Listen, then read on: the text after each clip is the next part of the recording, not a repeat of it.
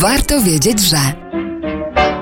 Warto wiedzieć, że dziś mamy nie tylko rocznicę przekroczenia zaborczej granicy austriacko-rosyjskiej przez kompanię kadrową, która wyruszyła z Krakowa. To także rocznica ogłoszenia odezwy tajnego rządu narodowego, jaki miał powstać w Warszawie. Odezwa głosiła, że Józef Piłsudski jest mianowany komendantem tworzonej właśnie samodzielnej polskiej armii.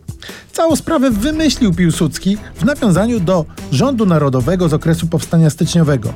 Wprawdzie w Warszawie w roku 1914 żadnego rządu narodowego nie było, ale Piłsudski, licząc, że wkraczająca do kongresówki kompania kadrowa stanie się iskrą, która uruchomi antyrosyjskie powstanie, podbijał stawkę, chcąc się wobec Austriaków ustawić jako partner, a nie wykonawca rozkazów. Jego celem była już wtedy niepodległość Polski, a nie jakiekolwiek rozwiązania pośrednie.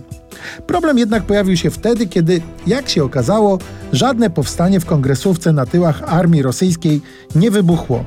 Okazało się więc, że cała operacja spaliła na panewce. Austriacy zareagowali prosto. Już po tygodniu zażądali włączenia całej kompanii kadrowej do regularnej armii austriackiej. Wtedy Piłsudskiego i kadrówkę uratował Naczelny Komitet Narodowy, błyskawicznie zawiązany przez wszystkie polskie ugrupowania galicyjskie, od prawa do lewa. On wysunął postulat stworzenia legionów polskich pod egidą NKN, do których została włączona grupa Piłsudskiego. NKN staje na gruncie odbudowy Polski w łączności z monarchią austro-węgierską. To było rozwiązanie realistyczne wówczas. Stało jednak w sprzeczności z tym, co Piłsudski stawiał sobie za cel pełną niepodległość Polski. Robił to wbrew realizmowi.